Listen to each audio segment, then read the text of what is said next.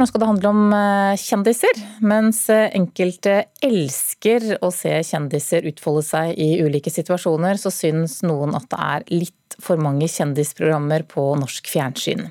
Fra seks slike programmer i 2010, NRK og TV 2 var tidlig ute med f.eks. Mesternes mester og Skal vi danse. I dag så er det over 30 slike programmer, og det er en femdobling. Jeg har vært med i uh, Masterchef, 71 grader nord, Sofa, Mitt liv med hund, to ganger Firestjerners middag. Jeg har aldri gjort noe å ta litt ekstra sukker. Ja. Du, Niklas, banan er søtesaker. Sukker Uh, en hel dress. Niklas Baarli er en av kjendisene som har stilt opp i flere kjendisprogrammer de siste årene. Hele tolv stykker. Til vanlig er han programleder for God kveld Norge på TV 2, men dukker også opp i vårens sesong av Sofa. Ja, Man snakker jo om slitasje av fjeset sitt og sånn. Uh, og det, altså jeg har jo allerede begynt å bli introdusert som reality-Niklas. Men han skjønner likevel frustrasjonen til enkelte etter at den gjennomsnittlige TV-titteren Jan Engen la ut et innlegg på Facebook hvor han mente at det lages altfor mange kjendisprogram. Det er jo 6000-7000 delinger og et par tusen kommentarer. og som jeg nevnte, 99 er jo helt enig med meg. og det, det, viser jo at jeg har truffet en eller annen liten nerve. da. Fra seks slike program i 2010 er det per dags dato over 30 å se på norsk TV. Hvem er det du kritiserer i, i innlegget ditt? Nei, det er program, programskaperne. altså Både NRK, TV 2, TV Norge og selvfølgelig alle de produksjonsselskapene som jeg regner med de kjøper program fra. Da. For oss som ser på TV, så er det jo litt sånn at det er de samme som går igjen overalt hele tida.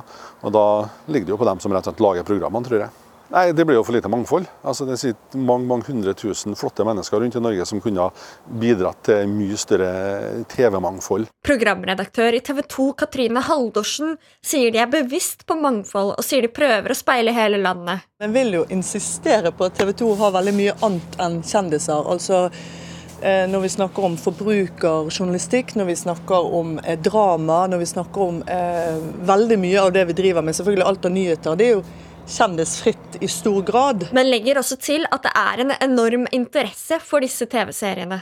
Eh, men at kjendiser funker i store konsepter, ja, det gjør det. Og det er jo på en måte Vi må jo lytte til det kommersielle òg. Så jeg føler at vi står godt i å både ivareta Kall det samfunnsoppdraget, men også tillate at kjente folk eh, er med i, i mange av programmene våre. Vi har vært i kontakt med NRK, Discovery, TV 2 og Nent-gruppen, som Engen kritiserer. De sier at gode formater og godt fortalte historier er det viktigste. Det er også kjendisprogrammene som troner øverst på listen over de mest sette programmene på norsk TV i dag. Og De mener derfor at programmene er av interesse for folk, og derfor noe de vil fortsette å lage. Men har du pisket rømme? Ja, men det er For Nicolas Baarli handler det mye om at han syns det er gøy å være med. Altså, hvis jeg skal være helt ærlig, så får jeg jo en veldig god opplevelse. Jeg syns det er veldig gøy å utfordre meg sjøl. F.eks. da jeg var med på Camp Culinari, så var det gøy å skulle prøve å drive en restaurant. Og andre ganger så får jeg jo masse penger ut av det, hvis jeg skal være helt ærlig. Man snakker jo ikke så høyt om det, liksom. At det også er masse økonomiske ting i dette her. fordi hvis du er med på TV-program, så får du kanskje flere oppdrag etterpå. Og vi som lever av å jobbe i eh, media, vi lever tross alt av eksponering. Reportere her, det var Ode, Oda Elise Svelstad og Hedder Ørbekk Eliassen. Forsker Vilde Skanke Sunde ved Universitetet i Oslo, god morgen. God morgen. Du har bl.a. forsket på TV-medie og strømmetjenester. Hva er grunnen, tror du, til den store økningen av kjendisprogrammer på fjernsyn de siste årene? Ja, Det tror jeg er mange forskjellige grunner, men hvis jeg kan legge, legge, trekke fram tre, da, så tror jeg for det første det har noe med en sånn vinn-vinn-logikk. At både bransjen og kjendisene kan tjene på å ha kjendisene med. Så Kjendisene trekkes gjerne til programmet, og programmet er, måte, er en måte å eksponere kjendisene på. Den andre viktige grunnen tror jeg rett og slett handler om tilfanget av kjendiser. At vi rett og slett har mye flere kjendiser i dag, og at mange av dem kanskje også er litt mer tilgjengelige. Og Det handler jo litt med sosiale medier å gjøre. og At mange kjendiser har bygget seg en karriere på nettopp på å delta i TV-programmer. Og så Det tredje og siste tror jeg handler litt om strukturelle endringer i TV-markedet. Det at vi har gått over til et strømmemarked. Det gjør jo for det første at vi får et tomrom av amerikanske serier som tidligere fylte ut veldig mye av sendeskjemaet, som nå stort sett er på globale strømmeplattformer. Men også at innholdet må være valgbart, altså at publikum aktivt må søke det. Og da er det klart at det å ha med et kjent ansikt er jo én måte å tiltrekke seg seeren inn til det programmet. Ja, hvorfor er vi så opptatt av disse kjendisene? Nei, det er kjendis. Vi har alltid vært opptatt av kjendiser. Men kjendiser har jo, har jo, gjerne en sånn personlighet og noe spennende ved seg. så Vi er liksom fascinert av det. Og mange kjendisprogrammer så lar de oss også få komme litt sånn på baksiden av den etablerte kjendisen. Så vi føler at vi kommer litt eh, får se noen sider av de som vi kanskje ellers ikke får se. Så de har jo den der tiltrekningskraften og representerer både noe nytt og noe kjent i en og samme person, da, ofte. Mm, men som vi hørte her, så er det jo noen som går igjen i mange programmer. Betyr det at eh, det egentlig er et stort PR-apparat der da, for å selge inn de samme kjendisene til ulike typer kjendisprogrammer? Ja, Det tror jeg avhenger litt av hva slags kjendiser det er. For vi bruker kjendiser som en sånn veldig stor merkelapp om alt. Vi snakker jo også om kjendispolitikere og kjendisleger, så det kan jo romme veldig mye forskjellig. Og noen kjendiser har nok mer å tjene på det, både økonomisk og liksom erfaringsmessig, men også i forhold til sin egen merkevare, enn andre kjendiser som kanskje har mer å tjene på å holde en litt sånn eksklusiv, eksklusivitet og spare ansiktet sitt kanskje for den TV-serien eller filmen som de skal representere senere. Da. Mm. Vi hadde jo kjendisprogrammer på, på, fjernsyn før også, bare at vi hadde kanskje ikke like mange programmer. da. Eh, Lørdagsunderholdning på NRK f.eks. Det var jo en del kjendiser med der, også politikere? Ja, vi har jo alltid hatt utrolig mye kjendiser. Det som er litt fascinerende nå, er jo kanskje det at strøm, det er noen logikker i det strømmemarkedet som trekker opp populært innhold. Eh, løfter fram noe type innhold på bekostning av noe annet. Det betyr jo at det er ikke nødvendigvis sånn at kjendis-TV forringer alt mulig annet TV, men det er veldig lett eh, å se, som kanskje krever litt mer av publikum å finne det andre type innholdet som blir gjemt litt lenger bak i nettspilleren. da. Mm. Er det noe problematisk ved at eh, vi har alle disse kjendisprogrammene, syns du?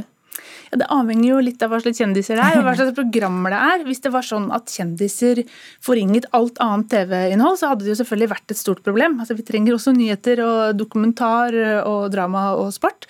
Det er det jo ingenting som tyder på. Det er jo også et problem hvis vi får en sånn kjendiskultur i samfunnet at vi tyr til kjendiser som våre fremste eksperter og elite. Eh, men vi er jo ikke helt eh, der heller. Men det handler jo litt nå om å presentere for kringkasterne og mm, de som lager TV, at de også har mye annet godt innhold, og så finne gode måter å løfte det innholdet også på. Men Hvem er det som tjener på at alle disse kjendisene er med? Er det kjendisene, er det TV-stasjonene, eller er det oss?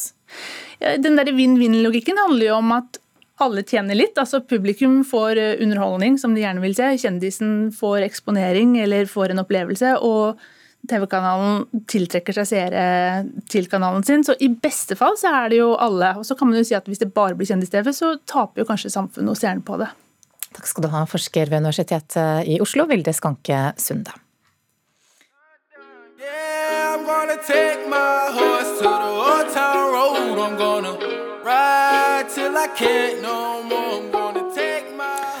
dette er artist eh, Lil Nas X eh, med sangen Old Town Road, som ble en av verdens mest eh, populære rappere. Han er fortsatt i rampelyset, men det er ikke musikken som har fått mest oppmerksomhet det siste døgnet, kulturreporter Oda Elise Svelstad. Nei, for det har oppstått eh, en del bråk rundt eh, skoene han har lansert. Eh, sammen med selskapet Miss Chief har han lansert 666 par Nike-sko, eller rettere sagt redesigna Nike-sko, som har fått navnet Satan. Og de i seg sjøl er kanskje ikke så kontroversielt, men den har hatt i sjølve sålen, det har vekt oppsikt, for der har en nemlig putta menneskeblod. I hver sko er det altså ei dråpe menneskeblod blanda med blekk trekk, eh, som utgjør da den visuelle luftbobla eh, på sida av skoa. Okay, da regner jeg med at det har haglet med reaksjoner?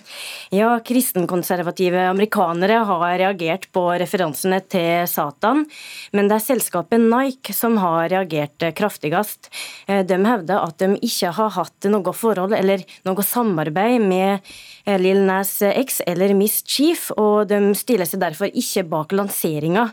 Eh, og de har nå valgt å gå til sak mot selskapet Miss Chief på grunnlag eh, av det de mener eh, er misbruk av merke, merkevara si. Um, ja, og det har ennå ikke kommet noen uttalelse fra verken Lil Nas X eller Miss Chief ennå. Men hvordan går salget da? Er det mange som kjøper den?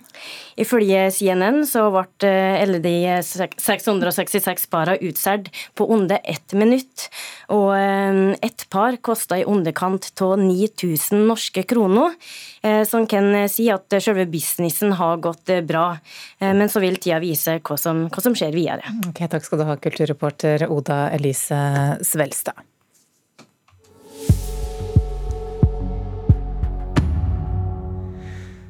Vi er eh, et av de mest sekulariserte samfunnene i verden. Likevel fortsetter kirkebygget å bety noe for mange av oss. Det viser de heftige kranglene som gjerne bølger rundt oppføringen av nye kirker. Vi vet også at kirken betyr mer for oss i krisetider.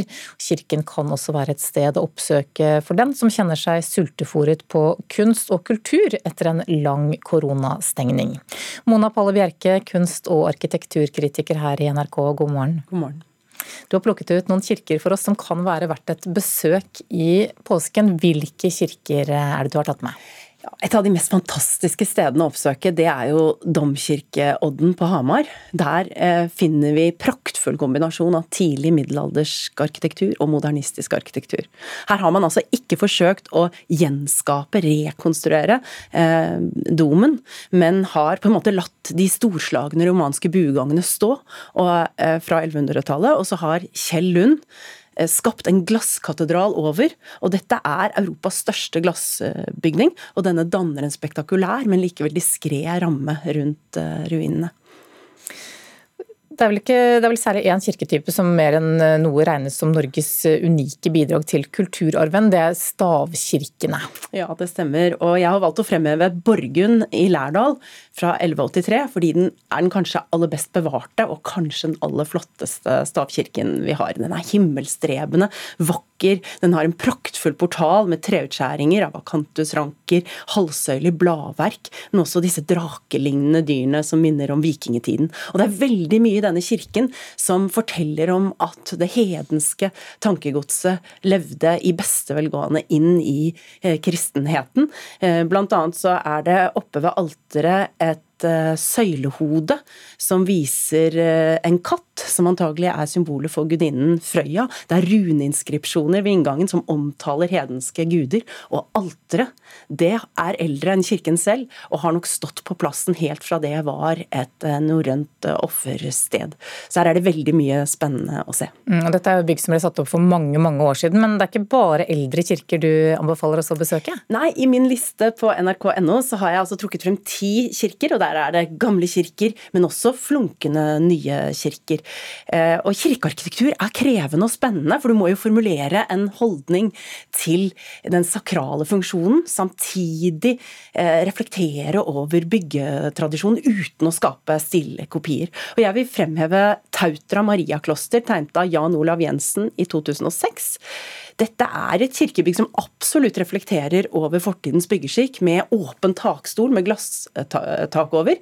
Og det er jo nydelig hvordan lyset siles gjennom bjelkeverket, men det kan nok også bli litt slitsomt på ekstra solfylte dager med dette lysflimret.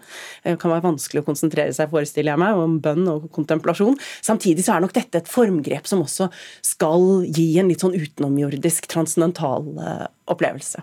Og I din liste så har du også trukket fram en kirke som du sier er så stygg at den er severdig. Hvilken er det? Ja, Da snakker vi om Østre Porsgrunn kirke fra 2019, tegnet av Espen Surnevik. Den ble oppført etter at den vakre vakre lille korskirken fra 1700-tallet brant i 2011.